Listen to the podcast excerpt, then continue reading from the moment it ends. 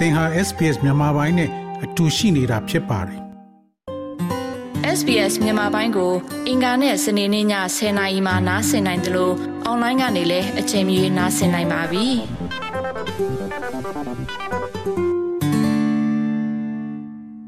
မိမိရဲ့ဇာတိမြေကိုခွဲခွာပြီးတခြားနိုင်ငံတစ်ခုမှာရေရှည်နေနိုင်ဖို့အတွက်ပြောင်းရွှေ့ရတဲ့အခါမှာစိတ်ခံစားမှုအမျိုးမျိုးဖြစ်စေနိုင်ပါတယ်။ပြည်ပကနေပြောင်းရွှေ့နေထိုင်သူတွေဟာစိတ်ခံစားမှုအတက်အကျတွေအပြင်ရိုးရရင်ကျေးမှုမတူညီတာတွေဘေးပတ်ဝန်းကျင်မတူညီတာတွေကိုကြုံတွေ့ကြရပြီးအဲ့ဒါတွေနဲ့အဝင်ခွင့်ကြဖြစ်အောင်လှုပ်ဆောင်ရတဲ့အခါမှာရှုပ်ထွေးတဲ့စိတ်ခံစားမှုတွေအပြင်မိမိကိုယ်ကိုဘယ်သူပဲဝါဘယ်အဖွဲ့ကဖြစ်တယ်ဆိုတာတွေကိုမသိတော့သလိုမျိုးလည်းဖြစ်စေနိုင်ပါတယ်။အဲ့ဒီတော့နေသားကြဖို့အတွက်ဒါမှမဟုတ်အခုမှပုံမှန်ပြန်ဖြစ်တော့တယ်ဆိုတဲ့ခံစားချက်မျိုးကိုရွှေ့ပြောင်းနေထိုင်သူတွေခံစားရဖို့အတွက်ဘယ်လိုတွေလှုပ်ဆောင်ဖြတ်ကျော်ရတယ်လဲဆိုတဲ့အကြောင်းကိုနှားဆင်ရမှာဖြစ်ပါတယ်။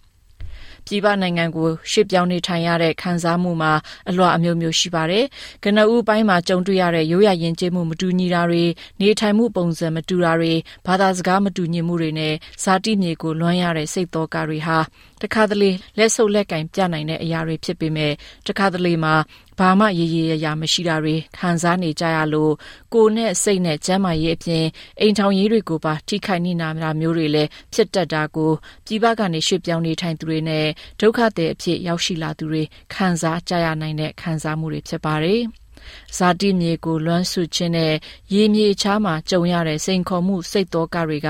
နီးမျိုးစုံနဲ့ပေါ်လာတတ်တယ်လို့ Beyond Blue အဖွဲ့ကပညာရှင်ဒေါက်တာ Grant Blasky ကပြောပါတယ် It can be psychological sort of sense of sadness or shock or angry or စိတ်ပိုင်းဆိုင်ရာမှာပေါ်လွင်တတ်ပါတယ်ဝမ်းနည်းနေတာမျိုးဒါမှမဟုတ်စိတ်ချောက်ချားနေတာမျိုးဒါမှမဟုတ်ဒေါသထွက်နေတာစိတ်မတိုးမတန့်လိပ်ပြမတန့်တာမျိုးခံစားရနိုင်ပါတယ်တခါတလေမှာကိုယ်ပိုင်းဆိုင်ရာမှာပေါ်လွင်တတ်ပြီးအိမ်မပြောခြင်းပင်မနှွမ်းနေခြင်း အားအင်ချစ်နေခြင်းစတာမျိုးတွေခံစားရနိုင်ပါတယ်။လူအများအပြားအတွက်ကတော့အဲ့ဒီလိုမျိုးတွေကိုဖြစ်စေနိုင်တဲ့ဒုတိယအကြောင်းရင်းတွေလည်းရှိတတ်ပါတယ်။ဥပမာအိမ်မှာကတောက်ကဆဖြစ်မှုတွေအလုပ်မှာအဆင်မပြေမှုတွေဒါမှမဟုတ်အရက်သေးစာတောက်တုံးရကစိတ်တော့ကကြုံတွေ့ရတာမျိုးလည်းဖြစ်နိုင်တယ်လို့ပြောပါတယ်။ဇာတိမြေကိုလွမ်းဆုခြင်းနဲ့ရေချားမြေချားမှာကြုံရတဲ့စိန်ခေါ်မှုစိတ်တော့ကတွေဟာတေချာရည်ရမှုမရှိတဲ့ဆုံးရှုံးမှုတွေကိုခံစားရနိုင်ပါတယ်။ အဲ့လိုဘာကြောင့်ဘလို့ဖြစ်မှန်းတေချာရည်ရမှုမရှိတဲ့အခါမှာစိတ်ပိုင်းဖြတ်နိုင်ဖို့အခက်အခဲဖြစ်စေနိုင်တယ်လို့လည်းပြောပါရယ် When someone grieves and they've had some sort of loss, most commonly the loss is very identifiable. You lost a loved one. လူတူဦးကပူပန်တော့ကလွမ်းဆုမှုဖြစ်နေပြီဆိုရင်ဆုံးရှုံးမှုတစ်ခုခုကိုခံစားရတယ်လို့ဖြစ်နိုင်ပြီးအဲ့ဒီဆုံးရှုံးမှုကိုလည်းဘာမှမမေရရမဖော်ပြနိုင်တာမျိုးဖြစ်တတ်ပါတယ်။ကိုချစ်ခင်ရသူဒါမှမဟုတ်ချစ်ရတဲ့တရိษံကိုဆုံးရှုံးလိုက်ရတာတွေဒါမှမဟုတ်အလုတ်ပြုတ်သွားတာ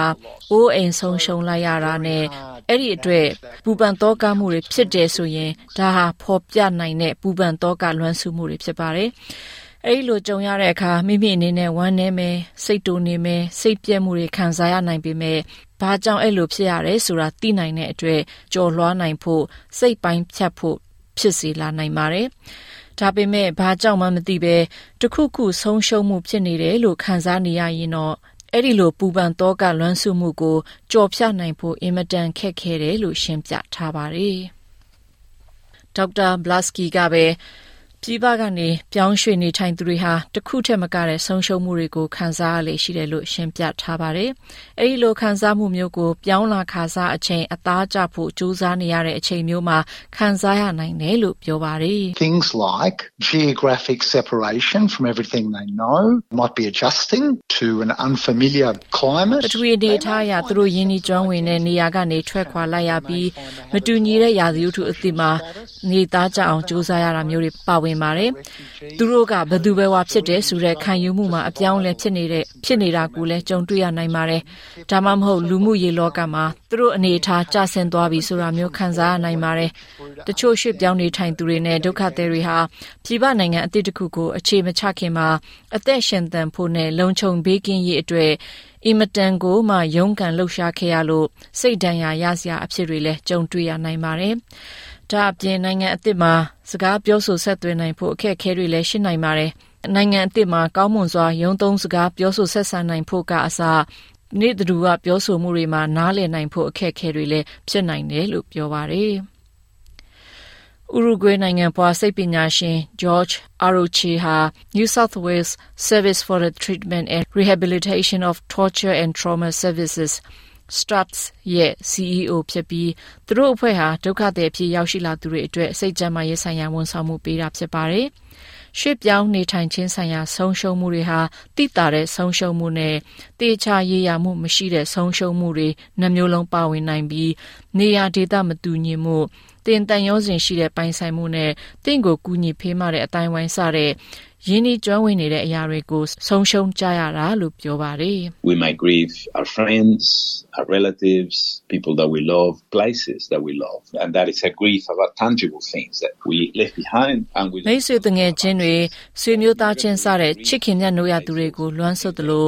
ကိုခင်တွေ့တဲ့နေရာဒေသကိုလွမ်းဆွတ်ရတာလည်းဖြစ်နိုင်ပါတယ်။အဲ့ဓာတွေကဘာကြောင့်ဘာလဲဆိုတာကိုဖော်ပြနိုင်တဲ့ဆုံးရှုံးမှုဖြစ်ပြီးတင်ချန်ထားခိုင်းရပြီးပြန်မရနိုင်တဲ့အရာတွေဖြစ်ပါတယ်။ဒါပေမဲ့ရွှေ့ပြောင်းနေထိုင်ခြင်းဆိုင်ရာတောကကတော့ဖော်ပြလို့မရတာတွေဖြစ်ပြီးတင်ဘသူပဲဝါဆိုတဲ့အသိစိတ်ကအရင်လိုမဟုတ်တော့တာတွေ တင့်ရဲ့လူမှုအနေအထားမှာပြောင်းလဲသွားတာတွေအလုတ်အကင်မှာမိမိနိုင်ငံကလိုမဟုတ်ပဲအစစ်နှိပ်သွားလို့ခံစားရတာတွေအပြင်လူမှုအတိုင်းဝိုင်းအစ်စ်မှာမိမိရဲ့အနေအထားအပြောင်းလဲကြောင်းခံစားရတာမျိုးတွေကတိတာထင်ရှားမှုမရှိပေမဲ့စိတ်ထိခိုက်ရနိုင်တဲ့ဆုံးရှုံးမှုတွေဖြစ်တတ်တယ်လို့ပြောပါတယ်။မစ္စတာအရိုရှေကတော့တခါတလေအဲ့ဒီလိုခံစားမှုကနေငါကသာ ဟိုနိုင်ငံမှာပဲဆက်နေရင်တော့ဒီအချိန်မှာဘာတွေဖြစ်လင်လောက်ပြီဆိုတဲ့စိတ်ကူးရင်မျိုးတွေလည်းဖြစ်စေတတ်တယ်လို့ပြောပါတယ် this migratory grief about your illusions or fantasies about what you could have ရှေ့ achieved ပြောင်းနေထိုင်ခြင်းဆိုင်ရာတောကထဲမှာတင့်ရဲ့မွေးရမြေမှာနေထိုင်ခဲ့ရင်ဘာတွေအောင်မြင်မှုရနိုင်တယ်ဘာတွေလုပ်နိုင်တယ်ဆိုတဲ့အတွေးအမှားတွေစိတ်ကူးရင်တွေဖြစ်တတ်ပါတယ်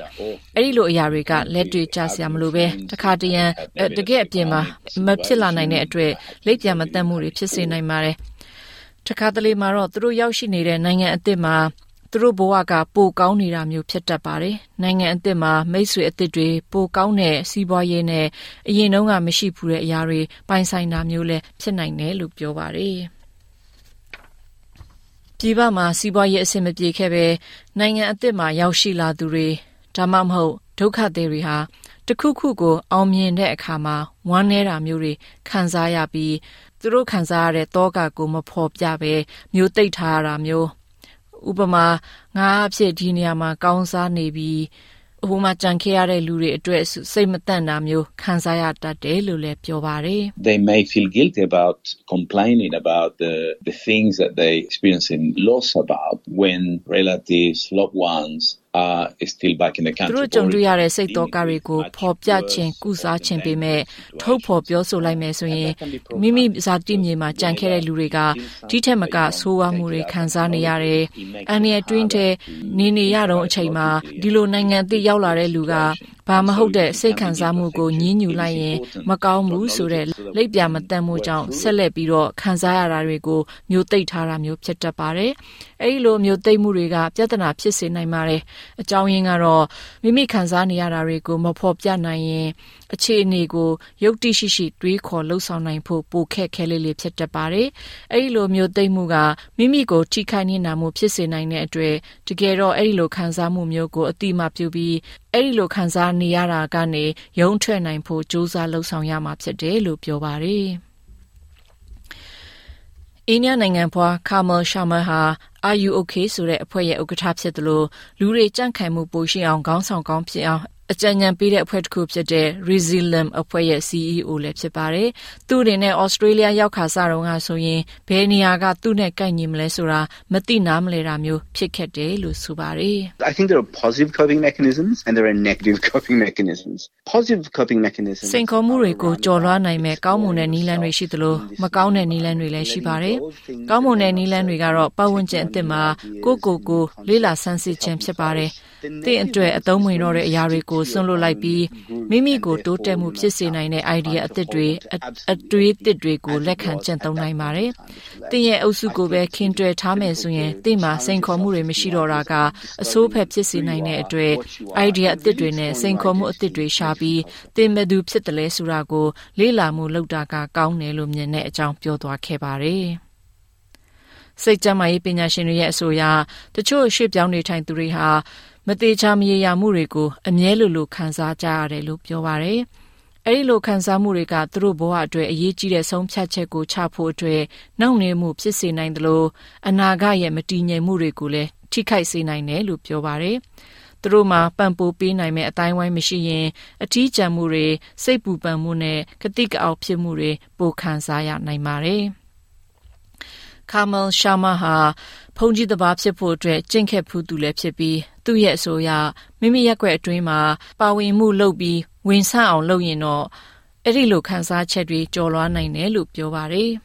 ။သူစားရောက်တော့ကဆိုရင်တခြားလူနဲ့တွဲပြီးတော့ကစားရတဲ့အားကစားတွေမှာပါဝင်လှုပ်ရှားခဲ့တယ်လို့ပြောပါတယ်။ကိုလေးလေးချစ်ခံအတူတူလှုပ်တဲ့အဖွဲ့တွေတရားထိုင်တဲ့အဖွဲ့တွေနဲ့ပေါင်းသင်းနိုင်တယ်လို့မိမိရဲ့အနောက်တိုင်းဆန်တဲ့အတွေးခေါ်လား အရှိတိုင်းနီးကိုနှစ်သက်သလားဆိုတဲ့ပုံမူတည်ပြီးအဲ့ဒီအတွေးခေါ်တွေကိုအကောင့်ထဲပေါ်နိုင်တယ်လို့ပြောပါတယ် The western literature that I've seen it's about change management thriving in change it's about အနောက်တိုင်းစာပေတွေမှာအပြောင်းလဲကိုကင်တွယ်ဖြည့်ရှင်းမှုအကြောင်းနဲ့အပြောင်းလဲကနေတိုးတက်အောင်မြင်မှုဖြစ်နိုင်တဲ့အကြောင်းတွေကိုဖတ်ရှုလေ့လာရပါတယ်အပြောင်းလဲကိုကိုကနေသားတကြဖြစ်အောင်လုပ်လိုက်တာပါပဲ အဲ့ဒီလိုတွေးခေါ်မှုကအနောက်တိုင်းဆန်တဲ့အတွေးလို့ထင်ပါတယ်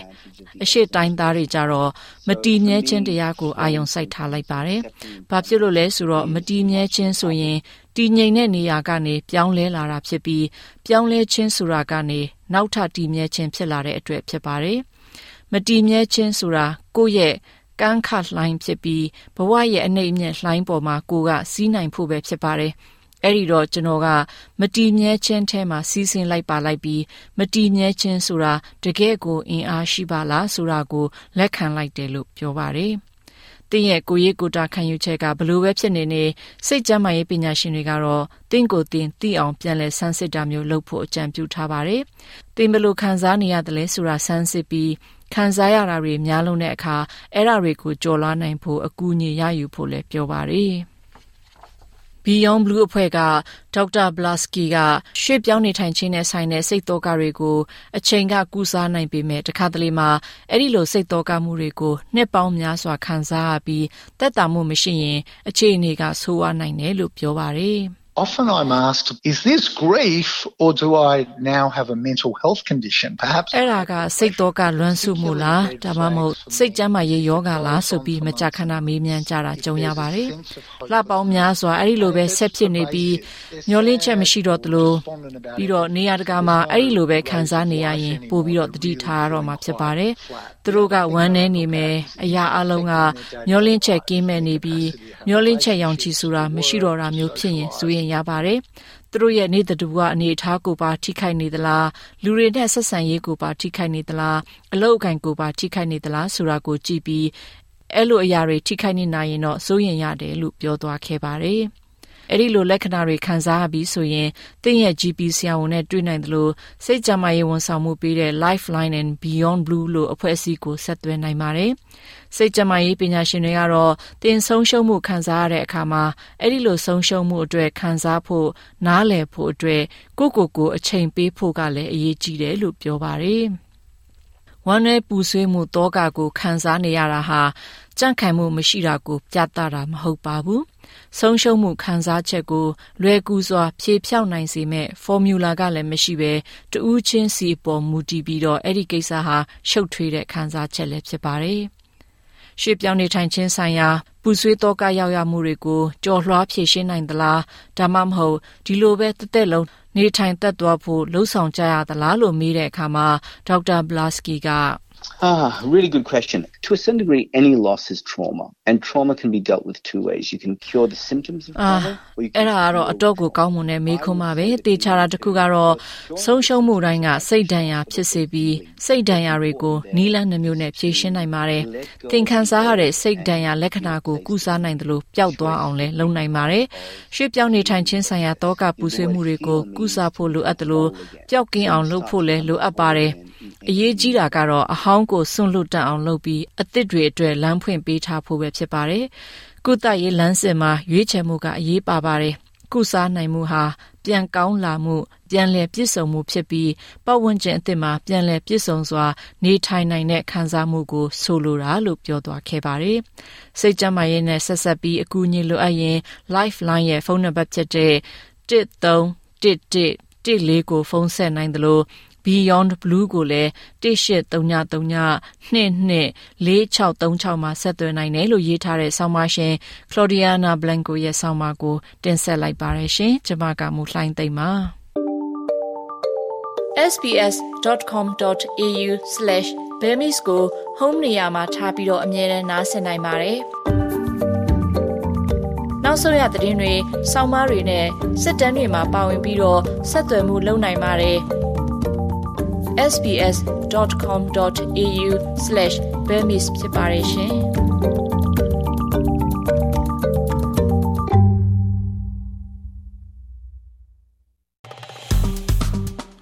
SPS မြန်မာပိုင်းကို Facebook ပေါ်မှာ like ရှာပြီး like မျှဝေမှတ်ချက်ပေးပါ